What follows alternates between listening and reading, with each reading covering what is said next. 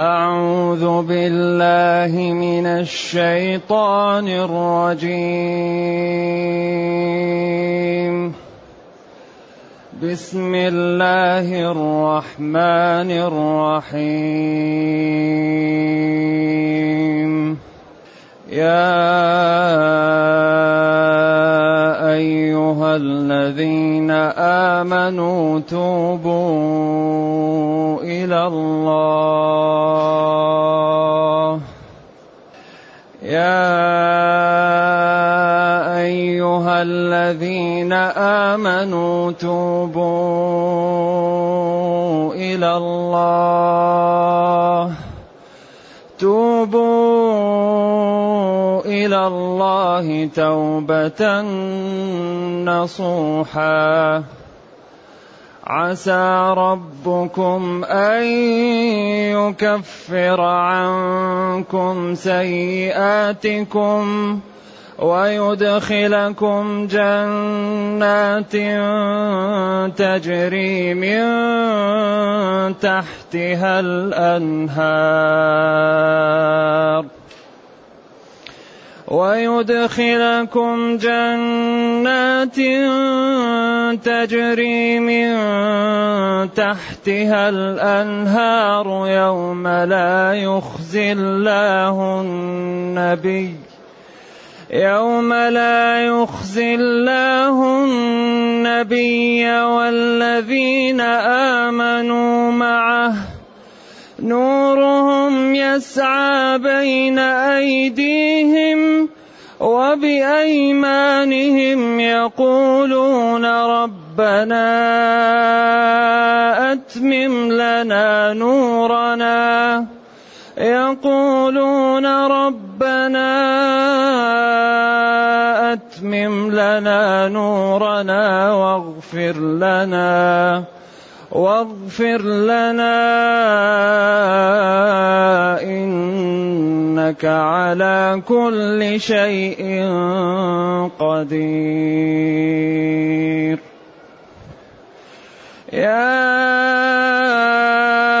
أيها النبي جاهد الكفار والمنافقين. يا أيها النبي جاهد الكفار والمنافقين واغلظ عليهم واغلظ عليهم ومأواهم جهنم. ومأواهم جهنم وبئس المصير. ضرب الله مثلا للذين كفروا امرأة نوح وامرأة لوط. كانتا تحت عبدين من عبادنا صالحين.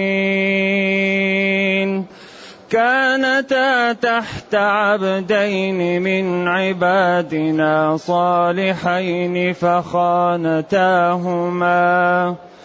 فخانتاهما فلم يغنيا عنهما من الله شيئا. فلم يغنيا عنهما من الله شيئا وقيل ادخلا النار وقيل ادخلا النار مع الداخلين وضرب الله مثلا للذين آمنوا امرأة فرعون. وضرب الله مثلا للذين آمنوا امرأة فرعون إذ قالت إذ قالت رب ابن لي عندك بيتا في الجنة ونجني من فرعون وعمله ونجني من فرعون وعمله ونجني من القوم الظالمين ومريم ابنة عمران التي أحصنت فرجها فنفخنا فيه من روحنا.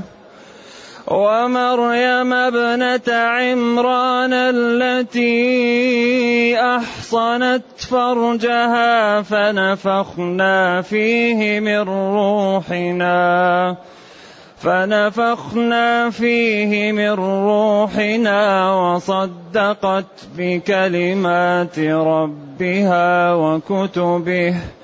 وصدقت بكلمات ربها وكتبه وكانت من القانتين. أحسنت.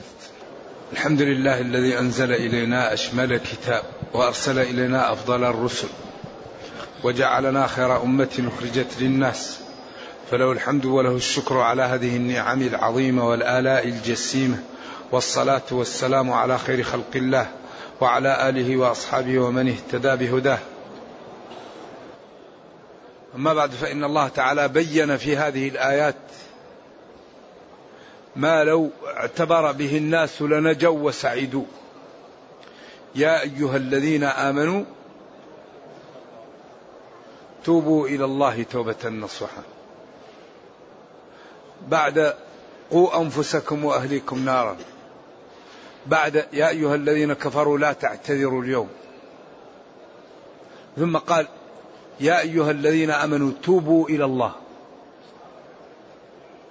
توبة نصوحا التوبة هي الرجوع. وهو يعني إزالة العبد ما حصل منه من الأخطاء. محاولة العبد أن يزيل الأخطاء التي قام بها. هذا هو التوبة. يعني وهي لها ثلاثة شروط. اثنان متفق عليهم وواحد مختلف فيه. الإقلاع والنية أن لا يعود. أما الندم فهو من تمام التوبة لكن ليس بيد الإنسان والله لا يكلف نفسا. إلا وسعها. فقد الإنسان يعمل ذنب لا يستطيع أن يندم عليه لمحبته له لكن يقلع عنه وينوي أن لا يعود. أما من تمام التوبة أن يندم. والتوبة النصوح قالوا تكلموا فيها ذكر فيها قرطبي أقوال أكثر من عشرين قول. وخلاصة الأقوال أنها هي التي يكون العبد فيها منكسرا خاطره متجها إلى الله نادما على ما حصل منه يعني مبتعدا عن عن عن الذنوب بعد ذلك. التوبة النصوح صاحبها لا يكره الذنوب. إذا تاب العبد توبة نصوح يكون يكره الذنوب كما يكره أن الحيات والأسود يكون ينفر من الذنوب كما ينفر الإنسان من ثعبان أمامه. أو أسد مفلوت يراه. ما لا يفعل الإنسان. يعني التوبة النصوح هي اللي صاحبه ينفر من الذنوب. ما يريد الذنوب يخاف. وإذا جال على قلبه الذنب يحزن. ولهم أقوال كثيرة في هذا لكن هي أن الإنسان يقلع عن الذنب وينوي أن لا يعود عليه ويتألم قلبه من من ذلك الذي فعل. نعم. وكم من عبد يعمل ذنبا فيكون ذلك الذنب سببا في غفران ذنوبه لما يقع له من الانكسار والتوبة. لكن المشكلة الإنسان إذا فعل الذنب ولا يخاف هذا الذي يخشى عليه. أما الإنسان ركب ضعيفا وخلق الإنسان ضعيفا. في مسلم لو لو لم تذنبوا لذهب الله بكم وأتى بقوم يذنبون فيستغفرون فيغفر الله لهم لأنه غفار الذنوب. لكن ما يقول الإنسان هذا وينهمك في المعاصي ولا يخاف لا هذا خطر. لكن من طبيعة الإنسان الذنب لأنه ركب تركيبا لا يتمالك عن الذنب. أيوه النظر السمع النطق التفكير اليد الرجل والإنسان ضعيف فلا يسلم من الذنب إلا من عصمه الله. ثم المسلم إذا كابد الطاعات تكون سجية له. أيوة مكابدة الطاعات هي التي تنمي الإيمان في قلب المسلم فتكون الطاعات سجية له. يكون يكره الغيبة يكره النميمة يكره تضييع الوقت يكره يعني أن يكون سافل يحب معالي الأمور يحب أن يساعد الناس أن يزور المرضى أن يصلح ذات البين أن يبذل من ماله وقته ووجاهه لدينه ولأمته. عند ذلك يكون دائما حياته تدر له الخير ولأمته. ولذلك الذي يمايز الناس هو العمل.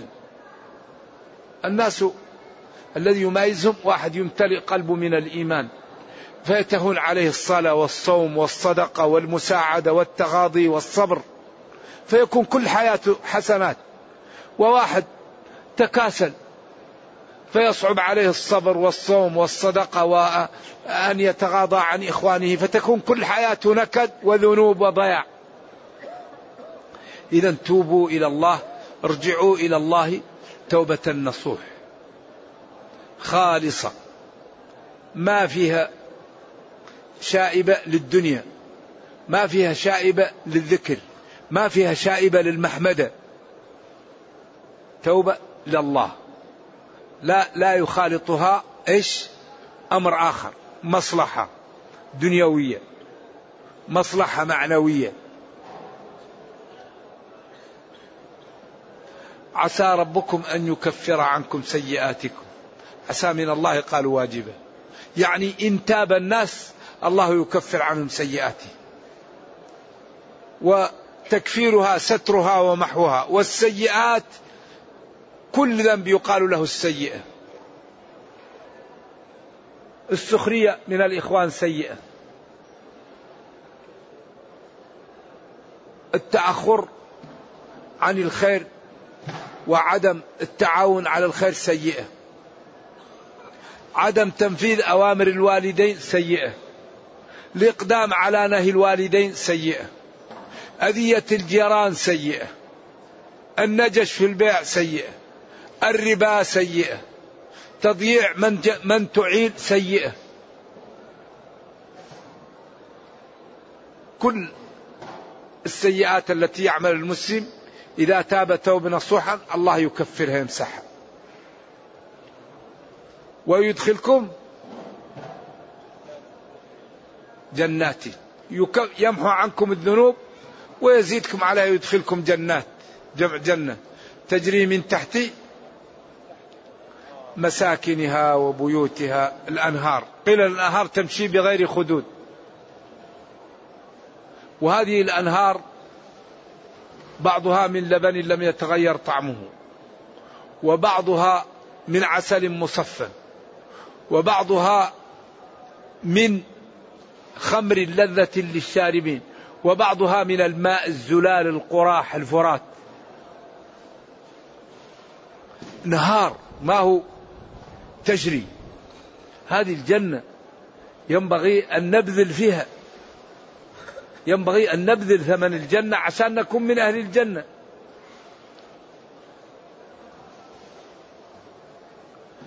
يدخلكم جنات يوم لا يخزي الله النبي. تدخلون في اليوم الذي لا يخزي الله النبي والذين آمنوا معه بل يعزه ويكرمه ويعطيه مكان لم تعطى لغيره وهي الشفاعة الكبرى. والذين آمنوا معه نورهم يسعى بين أيديهم وبأيمانهم. وهنا بخلاف المنافقين فإن نورهم ينطفئ والكفار لا نور لهم أصلا. يقولون يا ربنا أتمم لنا نورنا كمل لنا نورنا واغفر لنا إنك على كل شيء قدير. إذا يأمر الله المؤمنين أن يتوبوا إلى ربهم توبة نصوحا فإن ذلك حري بأن يكفر عنهم ذنوبهم وأن يدخلهم المنازل التي فيها ما تشتهيه الأنفس وتلذ الأعين وهم فيها خالدون.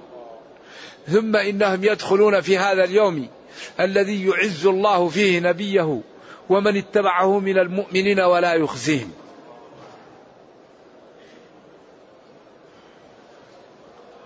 ثم يدعون ربهم في ذلك اليوم ثم يقول يا أيها النبي جاهد الكفار والمنافقين واغلظ عليهم.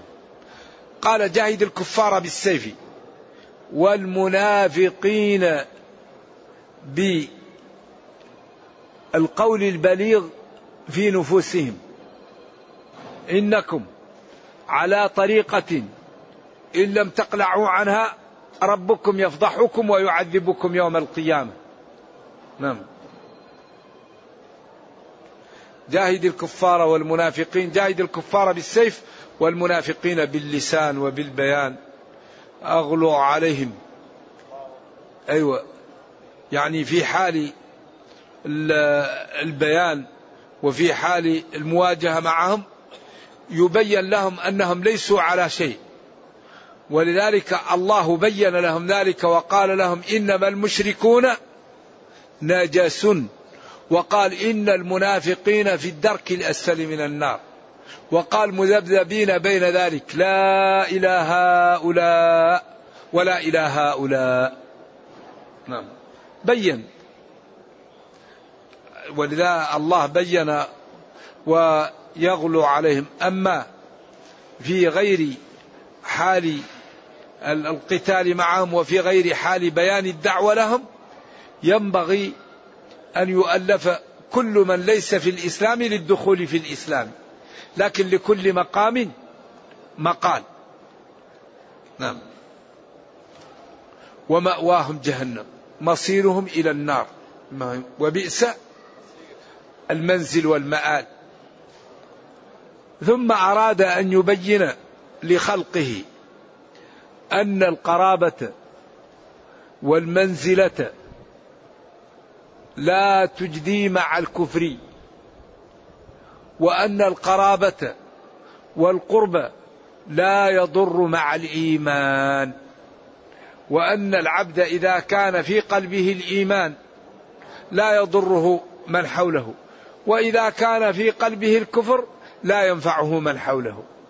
فينبغي لكل إنسان أن ينجو بنفسه.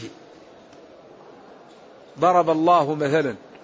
ضرب المثل هو الذي يجعل المعقول كالمحسوس وهو الذي يعقله العالمون وقال ويضرب الله الأمثال للناس والله بكل شيء عليم.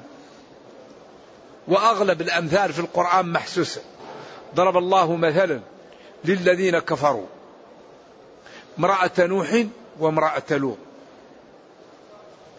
سموهم كاهلة أو كاهنة ولا يصح شيء في ذلك لأنه كله إسرائيليات كانتا تحت عبدين من عبادنا صالحين لوط ونوح. فكفارتا وكانتا يغريان أهلهما على أذية هؤلاء الرسل بالتعرض لنوح بالتكذيب والأذية وللتعرض لأضياف لوط. أعوذ بالله بالعمل الخسيس. إذا هذا يبين الله فيه أن القرابة إذا كان القريب كافر لا ينفعه قريبه. وأن الكافر إذا كان قريبه مؤمن لا يضره قريبه الكافر. كل امرئ بما كسب رهين. ضرب الله مثلا للذين كفروا امرأة نوح وامرأة لوط. ضرب الله مثلا امرأة نوح وامرأة لوط.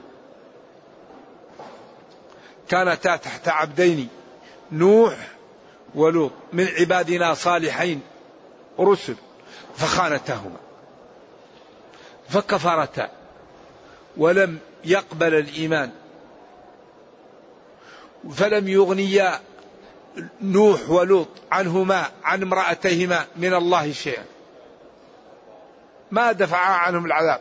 وقيل لهما سواء قال لهم الملائكة أو قال لهم الله أو قال لهم خزنة النار ادخلوا النار ادخلا النار مع الداخلين. ادخلا أيوه. لأن فعل أمر يبنى على ما يجزم به مضارع هو يفعلان تجزم بحذف ماذا؟ بحذف النون. وحذفها للجزم والنصب سمة. فإن لم تفعلوا ولن تفعلوا. نعم. قيل لهما ادخلا أصلها ادخلان. النار عياذا بالله مع الداخلين. والنتيجة يا حفصة وعائشة رضي الله عنكما انتبها انتبها. فإن الأمر جد خطير. فلا تتكلا على أن زوجكما أشرف الرسل. لا توبا إلى الله و ولا تصغي قلوبكما إلى إيش؟ ما لا ينبغي. وضرب الله مثلا للذين آمنوا امرأة فرعون. هذه آسية بنت مزاحم. قالت رب ابن لي عندك بيتا في الجنة ونجني من فرعون وعمله ونجني من القوم الظالمين. نعم. امرأة فرعون كان فرعون جبار وكان كافرا وهي كانت مسلمة فدعت الله أن يحميها منه فلما علم بإسلامها أخذ أوتادا وربطها فيهم ويقال إن الله تعالى أراها مكانها في الجنة وأكرمها وحماها من, من, إيش؟ من فرعون ومن كيده. ثم قال وضرب الله مثلا للذين آمنوا امرأة فرعون إذ قالت رب ابن لي عندك بيتا في الجنة ونجني من فرعون وعمله اختلفوا في عمله كفره أو ملابسته لها. ونجني من القوم الظالمين فاستجاب الله دعاءها وحماها وأدخلها الجنة. وضرب الله مثلا امرأة ومريم ضرب الله مثلا امرأة عمران. مريم وضرب الله مثلا مريم ابنة عمران ومريم ابنة عمران معطوفة على أيوه امرأة نوح. لما أحصنت فرجها أكرمها الله وأعطاها ولدا من غير زوج. وهذا دلالة على أن العبد إذا اتقى الله يعطيه ما يريد. هذه مريم كانت امرأة صالحة عابدة قانتة. وكانت من أسرة صالحة. أحصنت فرجها. يعني كانت طاهرة. لا تتفك تفكر في الحرام. ويوم كانت في خلافة جاءها رجل. قالت إني أعوذ بالرحمن منك إن كنت تقيا. قال إنما أنا رسول ربك لأهب لك غلاما زكيا. قالت أنا يكون لي غلام ولم يمسسني بشر ولم أك بغيا. قال كذلك. قال ربك هو علي هين ولنجعله آية للناس ورحمة منا وكان أمرا مقضيا فحملته. ذلك فنفخ في جيب درع نفخ في فرجها. نفخ في جيب درعها فجاءت في رحمها. فتكونت النطفة فنفخنا فيه من روحنا. ومريم ابنة عمران التي أحصنت فرجها. من الزنا. ومن ما لا يحل. فنفخنا فيه أي في فرجها من روحنا. أي من, فيه نفخ فيه جبريل فجاءت الحياة فيه نطفة. كيف؟ الله أمره إذا أراد شيئا أن يقول له كن فيكون. ولذلك خلق آدم من دون أب وبدون أم. وخلق حواء من أب بدون أم. وخلق عيسى من أم بدون أب وخلق بقية البشر من أم وأب. قسمة رباعية حتى يظهر قدرة الله وأن هذه الأسباب لا شيء مع إرادة الله. فنفخنا فيه أي في فرجها من روحنا. الروح قيل الهوى. النفخة يقال لها روح. كائنة. بأمرنا لجبريل بذلك. وصدقت بكلمات ربها وكتبه وكتابه وكانت مريم من القانتين. اذا وهذا دليل واضح على أن من اتقى الله كائنا من كان يدخل الجنة ومن عصى الله وكفر به كائنا من كان يدخل جهنم وأن العبد لا ينفعه إلا عمله.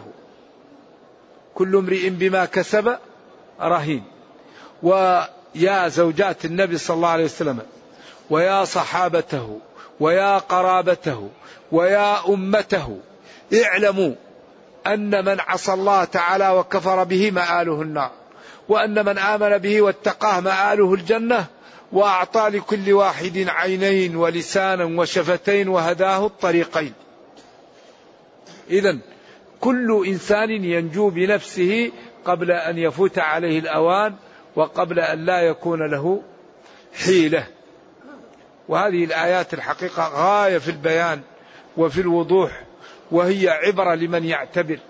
نرجو الله جل وعلا أن يرينا الحق حقا ويرزقنا اتباعه وأن يرينا الباطل باطلا ويرزقنا اجتنابه وأن لا يجعل الأمر ملتبسا علينا فنضل اللهم ربنا أتنا في الدنيا حسنة وفي الآخرة حسنة وقنا عذاب النار. اللهم اختم بالسعادة آجالنا واقرم بالعافية غدونا وآصالنا واجعل إلى جنتك مصيرنا ومآلنا. سبحان ربك رب العزة عما يصفون. وسلام على المرسلين. الحمد لله رب العالمين. وصلى الله وسلم وبارك على نبينا محمد وعلى آله وصحبه. والسلام عليكم ورحمة الله وبركاته.